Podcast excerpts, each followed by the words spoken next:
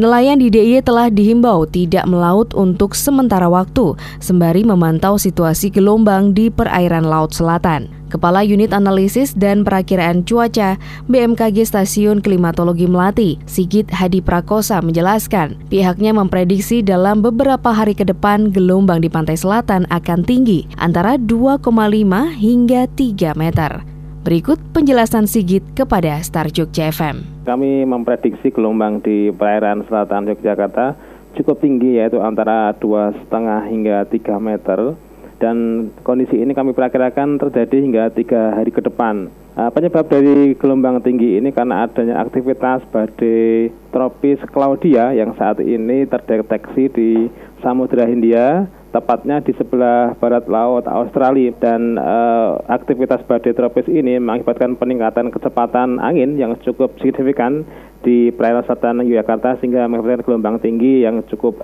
uh, tinggi untuk hari ini hingga tiga hari mendatang. Ya tentunya uh, kami menghimbau untuk uh, mengkondisikan dengan tinggi gelombang laut jika memang dirasa membahayakan kami menghimbau untuk uh, sementara uh, tidak melaut dulu menunggu sampai perkembangan gelombang laut dapat normal kembali.